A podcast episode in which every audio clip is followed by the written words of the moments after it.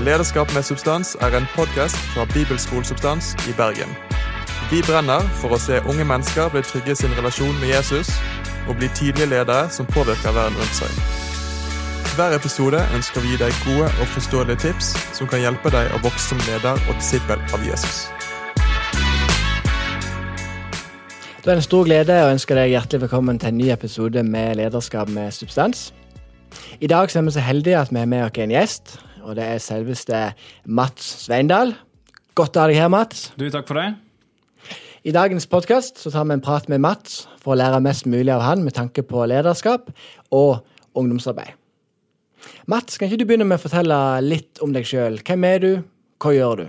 Ja, jeg heter da Mats Sveindal, jeg er 25 år. Eh, studerer eh, teologi på Ansgarskolen i Kristiansand. Og så er jeg ungdomsleder for Loftet ungdomsarbeid i Randesund misjonskirke i Kristiansand. Og hvorfor har du den beste jobben i verden? Nei, ungdomsarbeid er utrolig spennende. Jeg tenker at det handler om eh, relasjoner.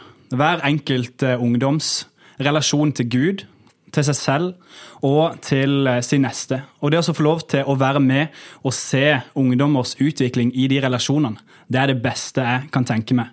Det å få se ungdommer ta valg om å følge Jesus og starte på en trosreise der. Det å se at de forstår sin egenverdi i hvem de er i Jesus.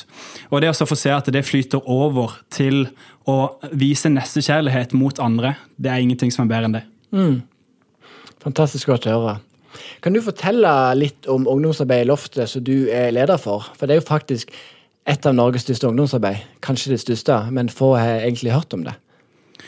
Ja, jeg kan gjerne fortelle litt om det. det vi prøver ikke å fokusere på at, eh, at, det er så stort, sånn sett, men prøver å se hver enkelt ungdom. Det er det viktigste for oss. og Det, det er ikke så viktig hvor folk går, men at de har et, de har et hjem. Eh, men, men, det at vi har en del ungdommer, gjør at vi har eh, selvfølgelig noen andre muligheter, men også noen andre utfordringer enn andre mindre ungdomsarbeid. Vi, vi samler mellom 150 og 200 ungdommer hver fredagskveld til ungdomsmøte. Og så har vi ca. 150 ungdommer i smågrupper. Ehm, så normen kanskje, eller det vanlige er vel å ha mellom 0 og 30 kanskje ungdommer. Så selvfølgelig så har vi eh, Det er veldig gøy å være veldig mange, men den største mm. utfordringa vår eh, det er å se hver enkelt, så det jobber vi veldig mye med. Mm. Og Hvordan driver dere med disippelgjøring i ungdomsarbeidet? Jeg vil veldig gjerne at du forteller om vandringen fra de går i 7. klasse og fram til videregående. Hvordan en gjør de overgangene og disippelgjør ungdommene der. Ja, det er, en, stadig utviklende prosess. Vi prøver å være bevisst på hvordan vi hjelper uh, ungdommene til å tro på Jesus og til et liv med han. Og for oss som er et ungdomsarbeid, så snakker vi gjerne da tenåringsalder, 13 til 19, ungdomsskole og, og, videregående. Så da er det viktig for oss at vi får de med fra de har vært eh, tweens i eh, slutten da i 7. klasse, og får en god overgang der. Så vi, eh, vi har et bra tweens-arbeid i kirka, og så prøver vi å invitere de med. Eh, vi har en egen kveld for de i slutten av 7. klasse, hvor vi forteller litt om ungdomsarbeidet vårt, og får de med i en smågruppe, gjerne, hvis vi kan det, for vi tror det er utrolig viktig. Det å være en del av et sånn smått fellesskap. Mm. I tillegg til stormøtet som vi har på fredagskveldene. Eh, så det er det første vi gjør. Få de med fra syvende og over til åttende klasse. Eh, og videre derfra så har vi de eh, i smågrupper, og det er gjerne der disippelgjøringa skjer. Litt pga. det at vi er en del ungdommer, så er vi nødt til å dele det opp sånn som det, med smågrupper hvor vi har lyst til at det skal være noen ledere som ser hver enkelt ungdom. Vi tror at det er noe av det viktigste vi kan gjøre i disippelgjøringa. Det at de, eh, de, ser at noen bryr seg om det og vil de, de best, det beste. Mm. Det tror vi er utrolig viktig. Så fra åttende klasse og framover til, til, videregående så har vi ulike opplegg. Eh, et eh, opplegg for åttende klasse, og så et for niende klasse. Et eget for tiende klasse. Og så har vi et opplegg for videregående. Hvor de ligner egentlig litt på hverandre, men, men med tilpassa undervisning eh, etter hva de går gjennom i de årskullene der. Mm. Og så, så, så, er den samtalen i gruppa utrolig viktig. Vi prøver å følge de opp så godt vi kan. Jeg tror det er noe av det viktigste som, eh, som vi kan gjøre. Og så, når de er, begynner å bli ferdig på videregående, så er det en ny overgang videre fra videregående opp til student. Vi er så heldige at vi har et studentarbeid i kirka som heter Touchpoint. Eh, mm. Så vi jobber med å få en god overgang der, hvor vi kan sende de videre til et nytt arbeid som, som er også tilpassa de. Samtidig som det er veldig viktig for oss at de får en god overgang også til hele menigheten. At ikke det bare er aldersbestemte arbeid, men også at de er en del av noe større, en helhet. En generasjonsmenighet. Men i åttende så har de smågrupper. Hva skjer når de begynner i 9., sånn konkret? Ja, eh, I åttende så har de smågrupper som, som eh, har undervisning, måltid og samtale.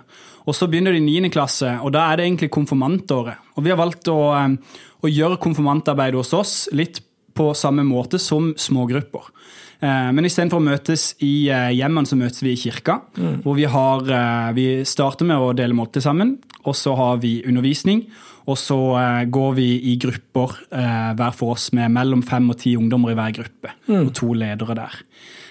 Så det er sånn det følger i niende. Og så videre i tiende så har vi mer undervisning på eh, Da begynner det å bli mer ledertrening, eh, lederutvikling og, eh, og disippelgjøring. Så i åttende klasse mest mulig å bli kjent, fortelle hvem Jesus er. I niende klasse litt sånn trosopplæring og fortelle litt om Bibelen og, og sånn. Og så i tiende klasse så går det videre på disippelgjøring. Og så på videregående så, så fortsetter det i samme stil, hvor vi tror på, på det opplegget som vi har nå. Eh, hvor de har små grupper og, eh, og dypere undervisning. Kan ikke du fortelle litt eh, hvordan en onsdag ser ut hos dere? Bare for å vise konkret hvordan dere gjør dette. Ja, vi, eh, vi har prøvd litt forskjellige modeller eh, opp gjennom årene. og Så har vi funnet noe som, vi, som funker for oss eh, der vi er. fordi at vi så at når vi hadde en del smågrupper i hjemmene, så var det noen som fikk god oppfølging, og noen som, som ikke ble så godt fulgt opp, og som ikke hadde så ofte møter og samlinger. Eh, så vi, vi prøvde noe, eksperimenterte litt og fant ut at det funka for oss. Eh, og det er at vi samler smågruppene i kirka. Så det har funka bra for oss, i hvert fall. Og det, det er rett og slett sånn at eh, det er litt eh, samlebånd for å få det til å gå opp, for det er såpass mange ungdommer innom. Men, men likevel så tror vi at hver enkelt ungdom blir fulgt opp. Så de kommer, 8. klasse kommer klokka fem eh, til måltid inne i matsalen. Og når de har hatt en halvtime måltid, så går de inn og får undervisning. Og da kommer 9. klasse inn og har eh, eh, måltid.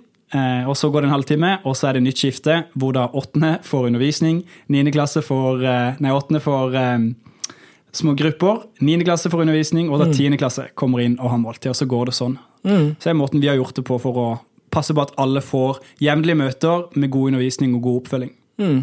Så når det skjer noe i ungdomsarbeid, er egentlig annenhver onsdag og hver fredag. Det er det som vi har landa på at vi satser på, ja. Mm.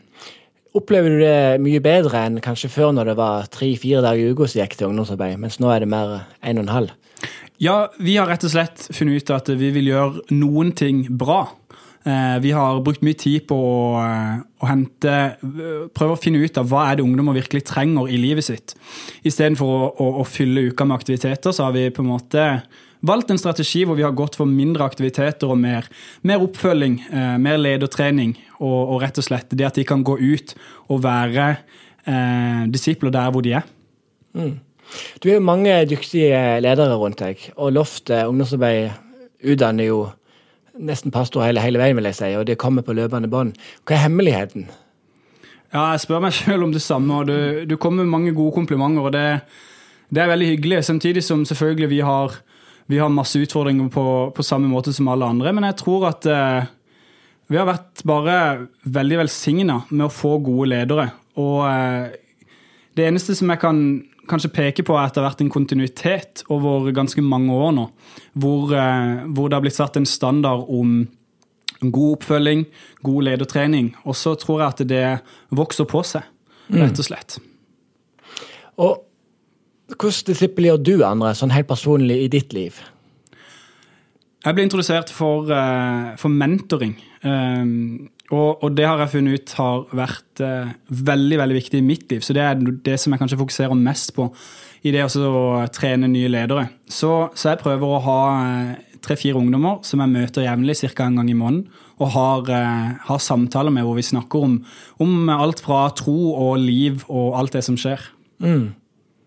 Og Da merker du eh, utvikling hos de, og Jeg tror det, det, jeg tror det handler om bare det å bli sett. Det å ha en person som, som ser hvem du er, tåler hvem du er. Eh, og, og på en måte ser noe i deg sjøl som du kanskje ikke ser sjøl. Det å hente fram de gode sidene og dyrke de fram, samtidig som man kan komme med det som er vanskelig. Hvor viktig har det vært for deg personlig å ha noen som undervi- undervist deg og leda deg og kommet med tips og råd? Ja, for meg så har det faktisk betydd eh, så å si alt når det kommer til den karriereveien som jeg nå har, eh, har valgt eh, å følge i forhold til teologistudiet som jeg går på nå, og den retninga som jeg har satt for livet mitt, også for troa mi. Eh, du, Jonny, var jo den som, som leda ungdomsarbeidet Loftet før meg, og, og du inviterte meg til å ha noen sånne samtaler, og det har betydd veldig mye for meg. Eh, på grunn av at eh, jeg kunne komme og, og si ting sånn som det var. Samtidig som, eh, som du så noe i meg som, som jeg ikke så sjøl på den tida. Og, og pekte ut noen kvaliteter som, som jeg har fått lov til å jobbe videre med. Husker du første gang jeg traff Mats og vi prata sammen. så eh, Noe av det første Mats sa, var at når han blir stor, så skal han bli rik. Ja. Og det har endra seg. ja, jeg skal bli rik på noe annet enn penger, i hvert fall. Ja, Det er jo fantastisk å se at du vil det. Hva gjør du, Mats, for å bevare den brannen som du har i hjertet ditt nå? Du, det å bare få være med på eh, i en menighet som er, som er god, vi har mye bra voksne med oss, eh, mange bra ungdommer, det, det er viktig i seg sjøl, det å være en del av et sånt fellesskap. Eh, men så tenkte jeg bare jeg vil trekke fram det med hvile også. Det har også vært utrolig viktig for meg. Jeg har vært eh, nære på kanskje å brenne lys i begge ender litt for lenge. Eh, det å ha en hviledag, det å slappe helt av, koble helt ut, ikke tenke på ungdomsarbeid, ikke tenke på jobb. Eh, og bruke tid med Gud, bruke tid med venner. Eh, eller bare å se på Netflix og, og slappe helt av. Ja, sånn helt konkret når du hviler og slapper av og er utenfor kirka, da, da ser du på Netflix. Er det flere ting du gjør utenom det? ja, For å koble helt ut, så ser jeg nok eh, på Netflix. Det syns jeg det funker bra for meg. Men jeg er veldig glad i å spille fotball, glad i å reise, glad i å være med venner og familie. Så det, da har jeg det bra. Mm, godt å høre.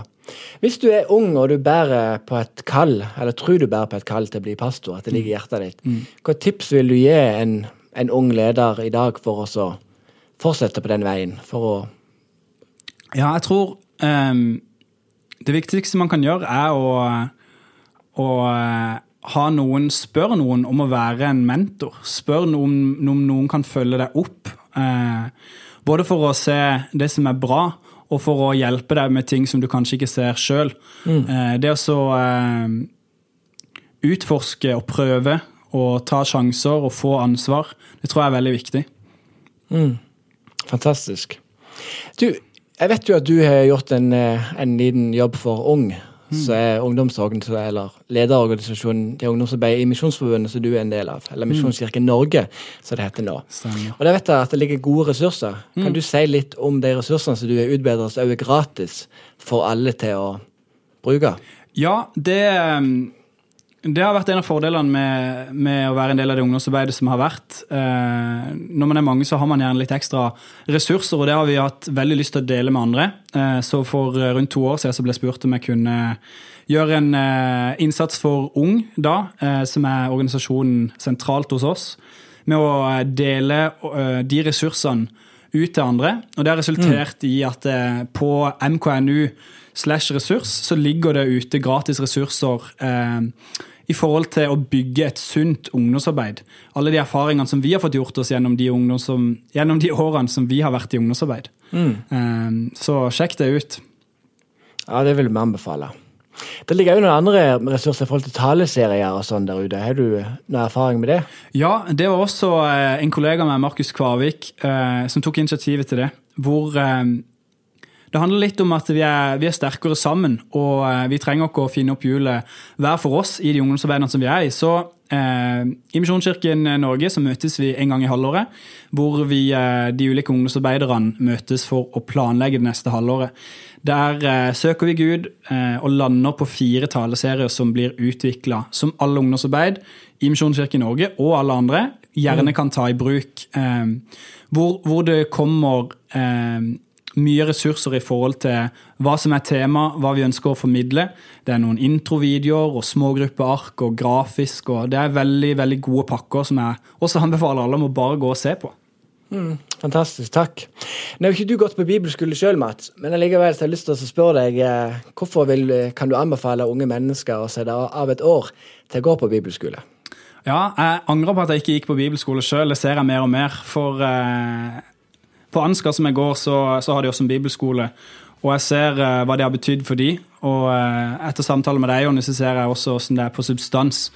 Og jeg tenker Det er kanskje tre ting som, som jeg vil anbefale, som jeg ser at, at man får med seg.